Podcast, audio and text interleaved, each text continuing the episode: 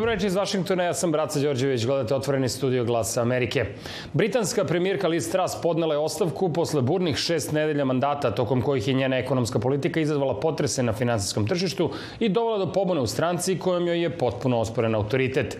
Samo dan ranije Truss je obećala da će ostati na vlasti, navodeći da je borac, a ne neko ko odustaje. Međutim, njen opstanak na vlasti je bio nemoguć, pošto je ministarka unutrašnjih poslova podnela ostavku i posle haotičnog glasanja i rasprava u Donjem domu Britanskog parlamenta, samo nekoliko dana pošto je Tras primorana da odustane od većine elemenata svoje ekonomske politike.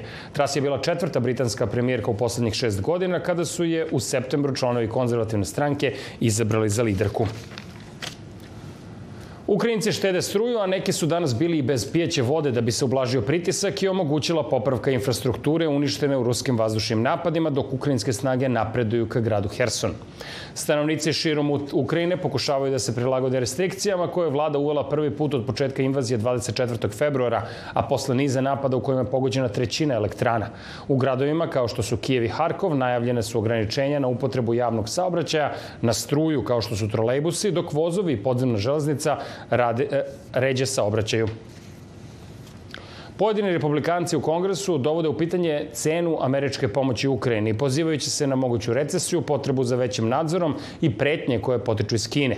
Dok istraživanja pokazuju da republikanci imaju velike šanse da osvoje kontrolu nad predstavničkom domom na predstojećim izborima, postavlja se pitanje kako će to, na to uticati na američku podršku Ukrajini u budućnosti.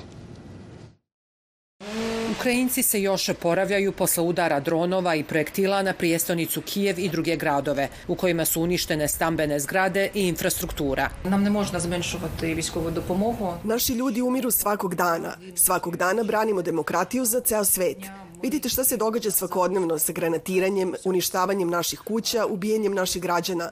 Ne možete da smanjite podršku, možete samo da je povećate. Olena Šulijak, predsjednica ukrajinske vladajuće stranke Sluga naroda, rekla je za glas Amerike da Ukrajinci pažljivo prate američku politiku u oči novembarskih izbora, na kojima bi demokrate mogle da izgube tanku većinu u kongresu. Ako republikanci pobjede, predstavnički dom bi mogao da se usprotivi novim izdvajanjima za pomoć Kijevu. Utorak lider manjine u predstavničkom domu Kevin McCarthy izjavio je za portal Punchbowl News da, budući da dolazi recesija, Amerikanci neće pisati blanko ček Ukrajini.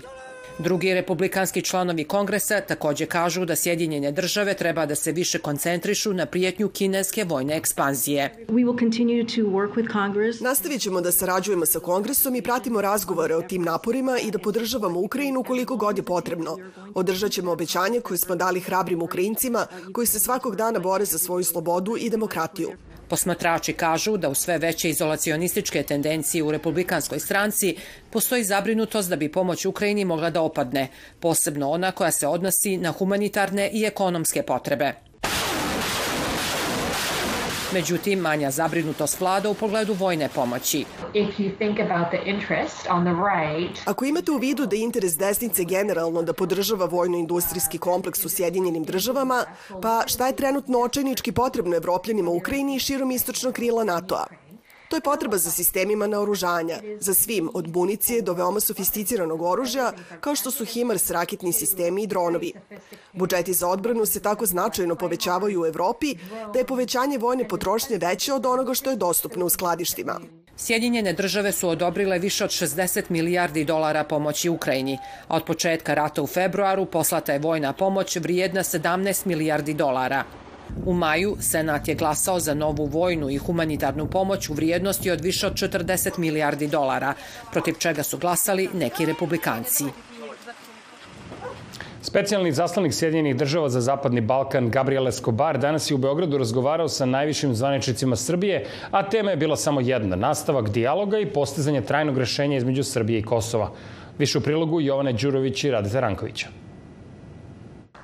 Nakon Prištine juče, specijalni američki zaslanik za Zapadni Balkan Gabriel Escobar danas je u Beogradu, gde je razgovarao sa predsednikom Srbije Aleksandrom Vučićem, a kako se navodi u saopštenju posle sastanka, razgovor je vođen u procesu dijaloga, mogućnostima za nastavak razgovora i pronalaženju održivih rešenja između Srbije i Kosova. Vučić je, kako se navodi u kratkom saopštenju iz kabineta, istakao posvećenost Srbije nastavku dijaloga sa akcentom radom na potpunoj primjeni do sada potpisanih sporazuma u Briselu i poštovanju međunarodnog prava. Sa druge strane, Escobar je izrazio očekivanje da će se dijalog Beograda i Prištine o svim otvorenim pitanjima i sveobuhvatnoj normalizaciji odnosa nastaviti dinamično i konstruktivno.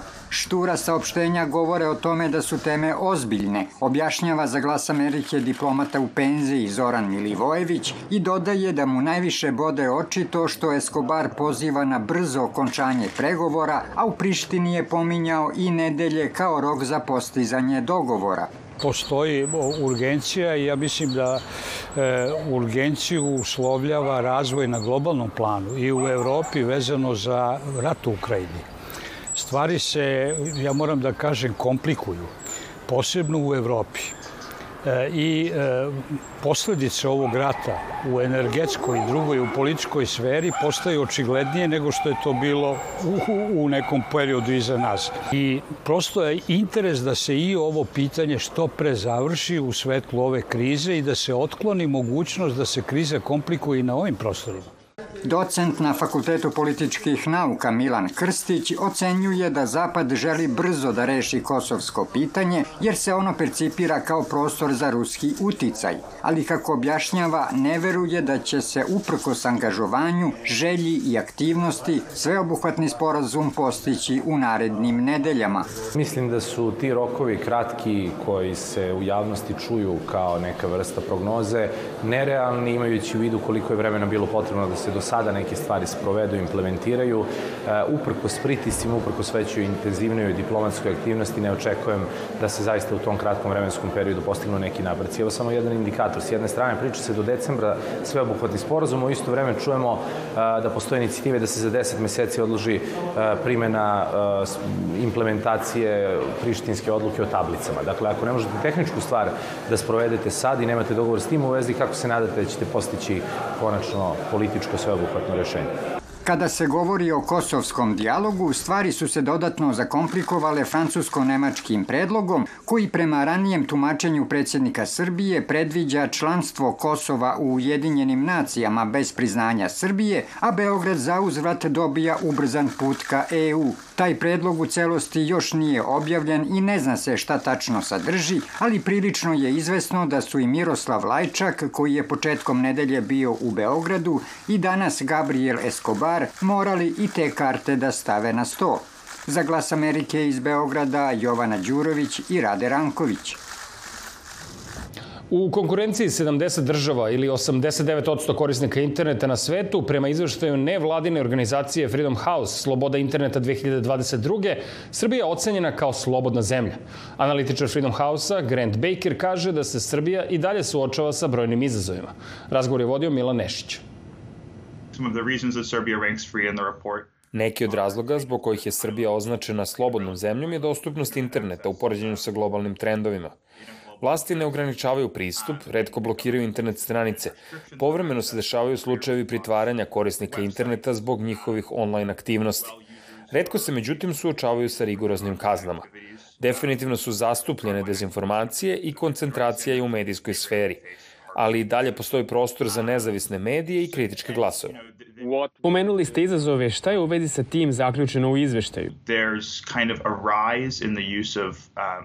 Povećana je upotreba takozvanih slep tužbi, čiji je cilj da izazovu znatnu finansijsku štetu kompaniji ili nezavisnim medijima, kako bi bili primorani da prekinu sa radom. Bili smo svedoci takvih tužbi podnetih protiv mreže za istraživanje kriminala i korupcije. Mi i reporteri bez granica dokumentovali smo i fenomen koji smo nazvali ružni blizanac, kada se po uzoru na internet stranicu nezavisnog medija osnuje stranica istog ili sličnog imena koja služi za širenje dezinformacija. Još jedna stvar koja je izazvala zabrinutost je pozivanje na odgovornost ljudi koji su se putem interneta oglašavali o protestima ekoloških organizacija ili im je pak policija dolazila u domove. Takođe, tokom poslednjih godina svesni smo izveštaja da bi vlasti mogle koristiti takozvane špionske softvere, poput Predatora ili Krugova. Rekao bih da bi to bile glavne brige i izazovi. Da li je moguće da država koja tri godine za redom nije kategorisana kao demokratska, spada u kategoriju hibridnih režime prema izveštaju Freedom House-a zemlje u tranziciji, ili je pak označena kao delimično slobodna u izveštaju Sloboda u svetu, može biti označena slobodnom u sferi interneta? To se događa u slučajevima u kojima vlade nemaju oštre propise u vezi sa blokiranjem i ograničavanjem internet sadržaja, što je slučaj u Srbiji. Ona je zabeležila visoku ocenu u oblastima dostupnosti interneta i online sadržaja. Naša studija je komplementarna studijama sloboda u svetu i zemlje u tranziciji. Njihovi nalazi se neće uvek preklapati, jer je polje internet sloboda fundamentalno drugačije od razmišljanja o demokratiji u tradicionalnom smislu. Da li ste imali u vidu okolnosti da se internet prema napomenama brojnih uglednih međunarodnih nemladnih organizacija i srpskih medija i novinara često u Srbiji koristi za sprovođenje klevetničkih kampanja i pretnji nezavisnim novinarima i medijima ili pak bot kampanjama u korist vlasti. Aprila 2020. Twitter je deaktivirao skoro 8600 naloga koji su bili naklonjeni vladajućoj stranci u Srbiji i predsedniku Aleksandru Vučiću. Imaju li ove stvari ikakvog utice na učinak određene zemlje u izveštaju. Da, apsolutno. Dakle, u obzir su uzeti stepen dezinformacija, odluka Twittera koju ste pomenuli, kao i činjenica da je Twitter u Srbiji označio medije koji sarađuju sa vlastima. To su oblasti u kojima je Srbija relativno nisko ocenjena. U odeljku o dezinformisanju obuhvaćeno je i zastrašivanje i to u svoja dva oblika, uznemiravanju i nasilnim napadima. Zato je Srbija sakupila 70 a ne stotinu poena. To što je Srbija rangirana kao slobodna ne znači da ne treba raditi na tome da stvari budu bolje. Skupština opštine Gračanica poništila je odluku o razmeni opštinske nepokretne imovine koju je donala pre oko tri nedelje, a kojom je bilo predviđeno da opština Gračanica ustupi hektare zemlje za privatni put od 18 ari. Izveštava Katarina Marinković. Odbornici Skupštine opštine Gračanica većinom glasova usvojili su danas predlog gradonačelnice Gračanice Ljiljane Šubarić o poništenju odluke o razmeni opštinske nepokretne imovine koju je ista ova Skupština opštine Gračanica jednoglasno usvojila 28. septembra 2022. godine. Gradonačelnica Gračanice nije prisustvovala sednici, a obrazloženje predloga za poništenje ove odluke pročitao je predsedavajući Skupštine opštine Gračanica. Uvažavajući na prvom mestu interese naroda sa teritorije opštine Gračanica, a na osnovu nadležnosti proisteklih iz statuta opštine Gračanica, pozitivnih zakonskih akata, kao i na osnovu održanih konsultacija sa predsedavićem Skupštine opštine i odbornicima, upućujem na razmatranje odluku o poništenju odluke broj 5026 kroz 22 od 28.9.22. godine o razmeni opštinske nepokretne imovine. Odlukom o razmeni opštinske nepokretne imovine koja je danas poništena, bilo je predviđeno da opština Gračanica razmeni zemljište sa privatnikom Ređom Šoši, tako što bi on svoj privatni put od nešto više od 18 stari u elitnom albanskom naselju u Čaglavici menjao za, kako su brojni mediji objavili, 17 hektara opštinskog zemljišta. Međutim, gradonačelnica Gračanice je tada pojasnila da nije u pitanju 17 hektara, već da će Šoši prema procenama stručnih službi, ne navodeći koje su službe u pitanju, dobiti oko 3 hektara, ističući da je u pitanju kamenjer bez struje, vode ili bilo kakve prateće infrastrukture. Bivši gradonačelnik Gračanice Branimir Stojanović, jedan od inicijatora peticije za poništenje ove odluke, za glas Amerike kaže da je odluka o poništenju odluke o razmeni opštinske nepokretne imovine doneta u Beogradu. Očigledno je da ovi ljudi ovde u opštini i gradonačelnice i odbornice se ne pitaju ni o čemu, samo sprovode nečije odluke. Da li su to odluke, kao što verujem da jeste prethodna odluka o, poklanjanju zemljišta bila doneta u, u Mitrovici, ova današnja je doneta u Beogradu. Ipak se po narod i po ljude u ovoj opštini dobro završila. Odluka o razmeni opštinske nepokretne imovine od 28. septembra 2022. godine, koja je danas poništena, još uvek nije objavljena na zvaničnoj internet stranici opštine Gračanica. Glas Amerike je od ove opštine u poslednje tri nedelje dva puta zatražio ovu odluku, ali je još uvek nismo dobili. Za Glas Amerike iz Prištine, Katarina Marinković. Poštovani gledalci, toliko za večeras. Hvala vam na pažnji i budite sa nama i sutra u isto vreme. Do tada pratite nas na internetu na adresi glasamerike.net i na društvenim mrežama. Ja sam Braca Đorđević, studija 51 Glas Amerike u Vašingtonu. Želim vam prijetno veče i laku noć.